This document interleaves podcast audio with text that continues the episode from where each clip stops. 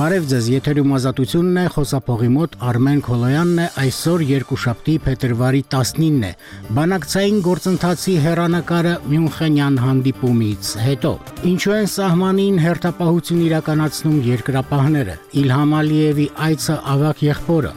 Ինչ լուծում կստանա Տիգրան Արաքելյանի բողոքը, ռուսական իշխանությունը Ալեքսեյ Նավալնիի դին չի փոխանցում հարազատներին, այլ թեմաներ, բայց նախ լուրեր, տեսությունը կներկայացնի Լուսինե Մուսայելյանը։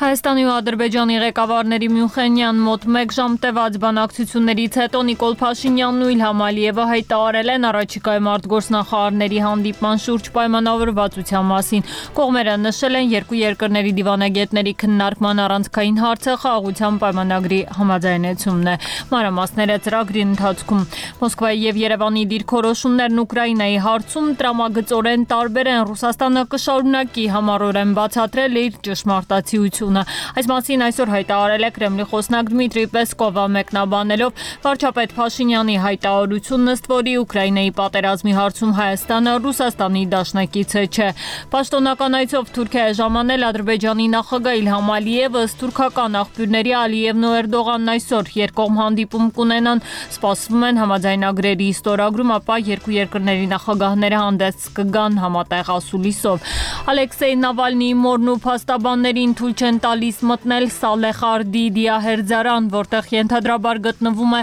քաղաքական գործչի մարմինը հայտնել է Նավալնիի խոսնակ Կիրա Յարմիշը նրա խոսքով քնչական կոմիտեում Նավալնիի մորն ու փաստաբաններին ասել են, որ քաղաքական գործչի մահվան հետաքննությունը երկարաձգվել է, թե որքան կտևի հայտնի չէ։ Մահվան պատճառը դեռևս չի ողջվել։ ՄԱԿ-ի միջազգային դատարանում մեկնարկել են Պաղեստինյան տարածքներում Իսրայելի գործողությունների իրավական հետևանքների վերաբերյալ լսումներ նման խնդրանքով 2022 թվականի դեկտեմբերի ՄԱԿ-ի գլխավոր ասամբլեան էր դիմել միջազգային դատարան։ Խոսքը մասնավորապես Պաղեստինյան ժողովրդի ինքնորոշման իրավունքը Իսրայելի կողմից շարունակական ոտնահարման մասին է նշում է Ֆրանս պրեսը, վկայակոչելով հայցը Իսրայելի ռազմական կաբինետի անդամ Բենի Գանցը հայտարարել է, եթե Համասը մինչև մարտի 10-ը ազատ չարձակի Գազայում պահվող բոլոր պատանդներին բանակը կներխուժի Ռաֆա։ Եգիպտոսին սահմանը ժամանակից այս բնակավայրում են ապաստանել գազայի հատվածի փախստականների մեծ մասը շուրջ 1.5 միլիոն մարդ։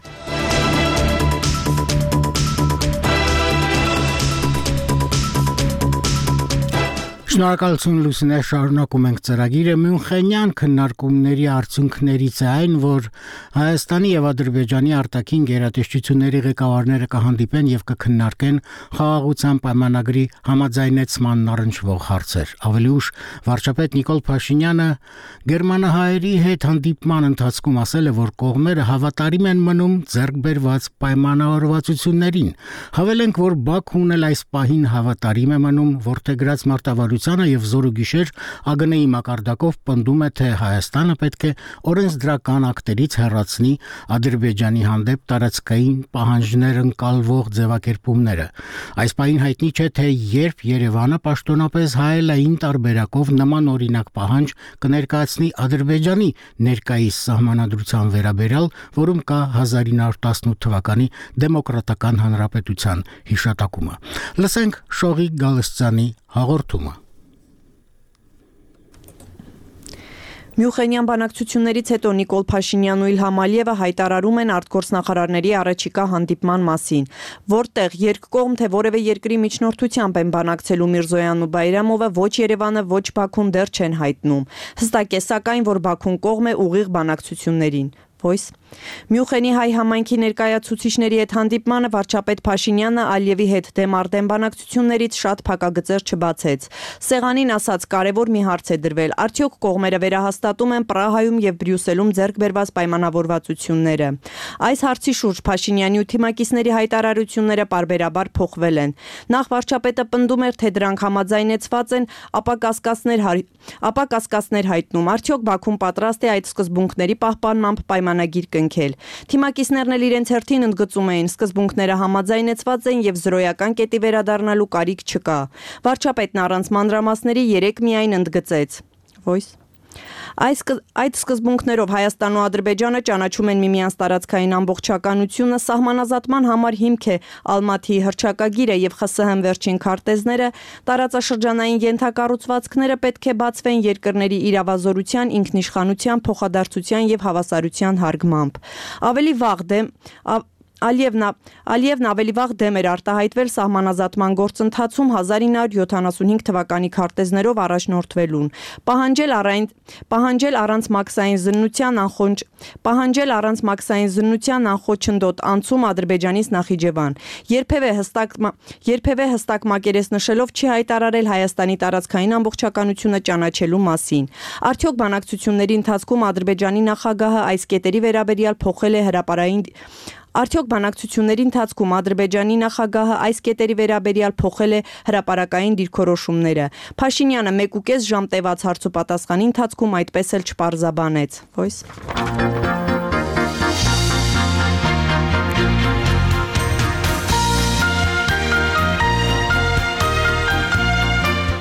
Հարգելի ունկնդիրներ, ներողություն ենք խնդրում տեխնիկական վրիպակների համար։ Ադրբեջանական կողմի մեկ այլ դժգոհություն այն է, թե ինչու են սահմանին իբր վարձկաններ տեղակայվում։ Այդ թեման Բաքուն արծարծում է ներքին հանդի միջադեպից հետո։ Հայկական կողմը արձագանքում է, որ վարձկանների հարց ընդհանրապես չկա սահմանին պայմանագրերով կարող են ծառայել նաև ավակ սերնդի մարտիկ։ Լսենք Ռուզաննա Ստեփանյանի պատրաստած հաղորդումը։ Մենք վարձկաներ չենք ունեցել եւ վարձկան չկա մեր երկրում։ Այստեղ Հայաստանցին հայ տղանա, որ իր սահմանները պահում է Պաշտոնական Երևանն առայժմ չի արձագանքել երկրապահ կամավորական միության դիրքապահներին վարձկաններ որակելու Բաքվի հայտարարությանը։ Ներքին հանդի սահմանային բախումներից հետո, որի հետևանքով 4 հայ կամավորներ սպանվեցին, Ադրբեջանի արտգործնախարարությունը Հայաստանից պարզաբանում պահանջեց, թե մեջբերում եմ ինչ հիմքով են դիրքերում տեղակայված ռազմական տարբեր խմբավորումների վարձկանները ենթակա դարձել պաշտպանության նախարարությանը։ Առայժմ խորհրդանի պաշտպանության հանձնաժողովից են հակադարձում Բաքվին։ Իրանք ուղղակի չեն հասկանում երկրաբար կամավորականները ինչա նշանակում, կամ էլ հասկանում են իրանց դրել են ինչ որ մի կենթանու տեղ։ Դա մեր կամավորականներն են, որ 90-ականներից գոյություն ունեն, կան եւ կմնան ընդմիշտ, քանի հայությունը կա, Հայաստանը կա, մեր կամավորականները միշտ էլ կլինեն։ Պաշտպանության հանձնաժողովի անդամ ԵԿՄ-ական Գագիկ Մելքոնյանը հակադարձելով Բաքվից հնչած որակումներին հիշեցնում է, որ հենց Ադրբեջանն էր վարձկաններ ներգրավել 44 օրյա պատերազմի ընթացքում։ 44 օրյա պատերազմին, երբ որ իրանք վարձկաները բերեցին Սիրիայից, ու նաև ուրիշ երկրներից վարձկաներ բերեցին եւ իրենց զորքը, թուրքական զորքը ճաշված Իրանք նաև վարձկաներին բերեցին ու լավ են հիշում թե ինչ էր կատարում։ Երկրապահ կամավորական միության տասնյակ անդամներ այսօր հերթափոխով դիրքային ծառայություն են իրականացնում սահմանի տարբեր հատվածներում։ Իշխանական падգամավորի փոխանցմամբ նրանք համարվում են պայմանագրային զինծառայողներ եւ ենթարկվում են պաշտպանության նախարարության հրամաններին։ Բանակի կազմում բանակի հրամանների ներքո կատարում են բանակում տված բոլոր հրամանները Եթե ինքը սահմանում կանգնած է, ուրեմն նշանակում է դա ենթակվում է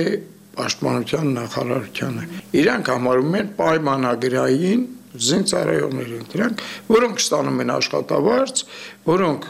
ինչպես մնացած զինվորները նորից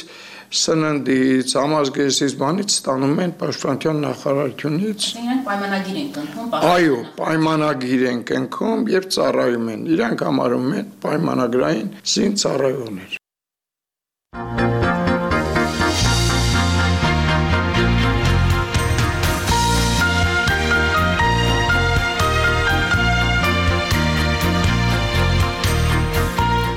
Հետխորհրդային Ադրբեջանում քաղաքական ավանդույթ է ընտրություններից հետո առաջին այցով նախագահը Թուրքիա է մեկնում։ Փետրվարի 7-ի արտահերտից հետո էլ նույնը տեղի ունեցավ, բայց մինչ այդ Իլհամ Ալիևը մասնակցեց Մյունխենյան համաժողովին։ Լսենք Գևորգ Ստամբոլցյանի հաղորդումը։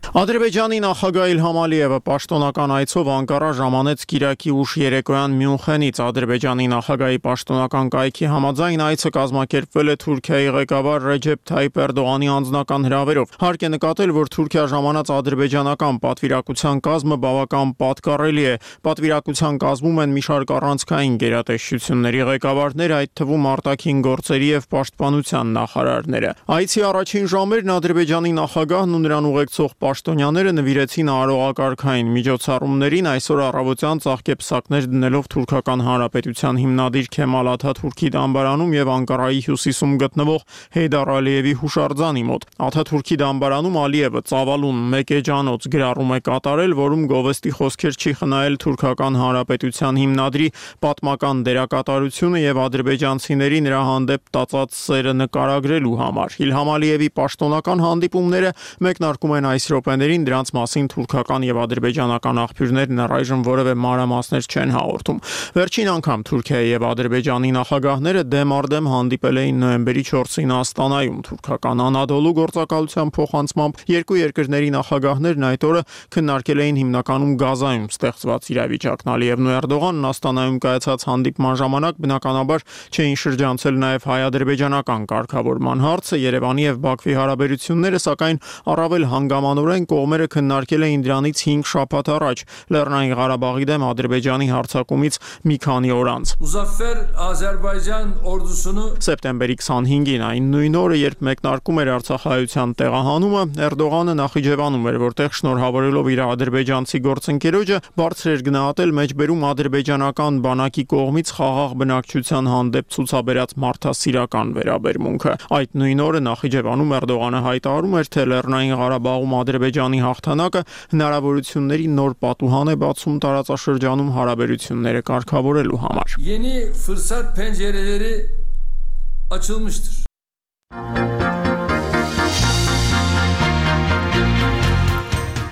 Ութ ամիս շարունակ կալանքի տակ է հակի նախկին ակտիվիստ Տիգրան Արաքելյանով մեղադրվում է խոշոր գումարներ շորթելու նպատակով Վարդան Ղուկասյանի դոգի ստեղծած հանցավոր խմբին անդամակցելու համար։ Արաքելյանը պնդել է, թե քննության ընթացքում կտանքների է ենթարկվել անձամբ քնչական կոմիտեի ղեկավարի կողմից։ 4 ամիս առաջ մեր թղթակից Նաիրա Բուլղադարյանը հաղորդել է, որ այդ գործով չկա մեղադրալ, սակայն գործը կա։ Ավասիկ եւս 4 ամիս է անցել եւ ոչ մի փոփոխություն։ Լսենք հաղորդումը։ Ամիսներ առաջ քնչականում խոշտանգումների մասին հազանգած Տիգրան Արաքելյանն ու Փաստաբանը երկու ամիս է փնտրտուքների մեջ էին։ Ազգային անվտանգության ծառայության քնչական վարչության լուծարումից հետո ի վերջո որ կառույցին է փոխանցվել քնչական կոմիտեի ղեկավար Արգիշտի Քարամյանի ու նրա ենթակա Ազատ Գևորքյանի դեմ իրենց բողոքը։ Ես բազմիցս փորձեր եմ արել հանդիպելու վարույթն իրականացնող մարմնի այն ժամանակվա քննիչի հետ, սակայն այդպես էլ կապի դուրս չի եկել, չեմ էլ կարողացել հանդիպել եւ այս պահի դրությամբ էլ փնտրտուքի մեջ եմ։ Մեղադրյալ Տիգրան Արաքելյանը երկու բարձրաստիճան պաշտոնյաների անուններն էր հնչեցրել ազգային անվտանգության ծառայությունում։ Պնդել էր, որ իրեն էլեկտրաշոկով էին հարցակննել ու դրան մասնակցել էր անձամբ քնչական կոմիտեի ղեկավար Քյարամյանը ենթարկվել եմ ծեծի, ենթարկվել եմ հայոյանքների, ենթարկվել եմ շանտաժի, սպառնալիքներ ընտանիքիս համար։ Ինձ ասել են, որ կնոջդ երև երեխայիդ դու այլևս չես տեսնելու։ Մեքենայակ գցի տակը, ձեր տունը կամ բաժար կընկնի գիշեր։ Ինչ որ մի բան կպատահի ձեր տնեցին, համ որտեվ ձեզ ընտանիքով ենք վերացնելու։ Ուրեմն ասողը ոչ ավել, ոչ պակաս եղել է քնչական կոմիտեի ղեկավար Արգիշտի Քյարամյանը։ Արգիշտի Քյարամյանը ինձ հետ այդ օրը հանդիպել է երկու անգամ Իրավապահները քրեական գործ էին հարուցել, բայց 8 ամիս անց էլ որևէ մեղադրյալ չկա պնդում էր, որ ինքը այլ հակուսներով է եղել, որ Բերման են ենթարկել խոզարկությունից հետո Երևան քաղաքի քնչական վարչություն։ Այնտեղ իրեն խոշտանգելուց հետո գնացել, երբ խոզարկությունը նորից կատարել իր ստանը, այլ հակուսներ են վերցրել, վերել եւ փոխել է հակուսները,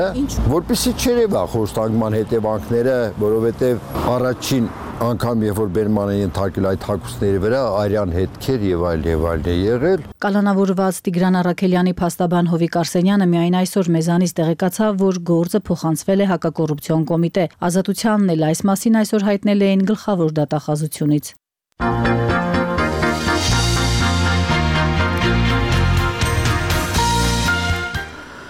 Անգլիացի գրող Ջոն Թոլկինի երևակայությամբ ստեղծված չարյաց կայսրություն Մորդորում մահը կարող էր հերոսին չազատել տարապանքներից։ Երկրի վրա էլ կան պետություններ, որտեղ հանգուցալին հողին հանձնելու նրա երկրային տանջանքների էջը փակելու փոխարեն շարունակում են ցավ պատճառել սքավոր հարազատներին։ Չեն տալիս դիակը, գուցե թաքցնելու բան ունեն, ժամանակ են ձգում։ Լսենք Ազա Բաբայանի հաղորդումը։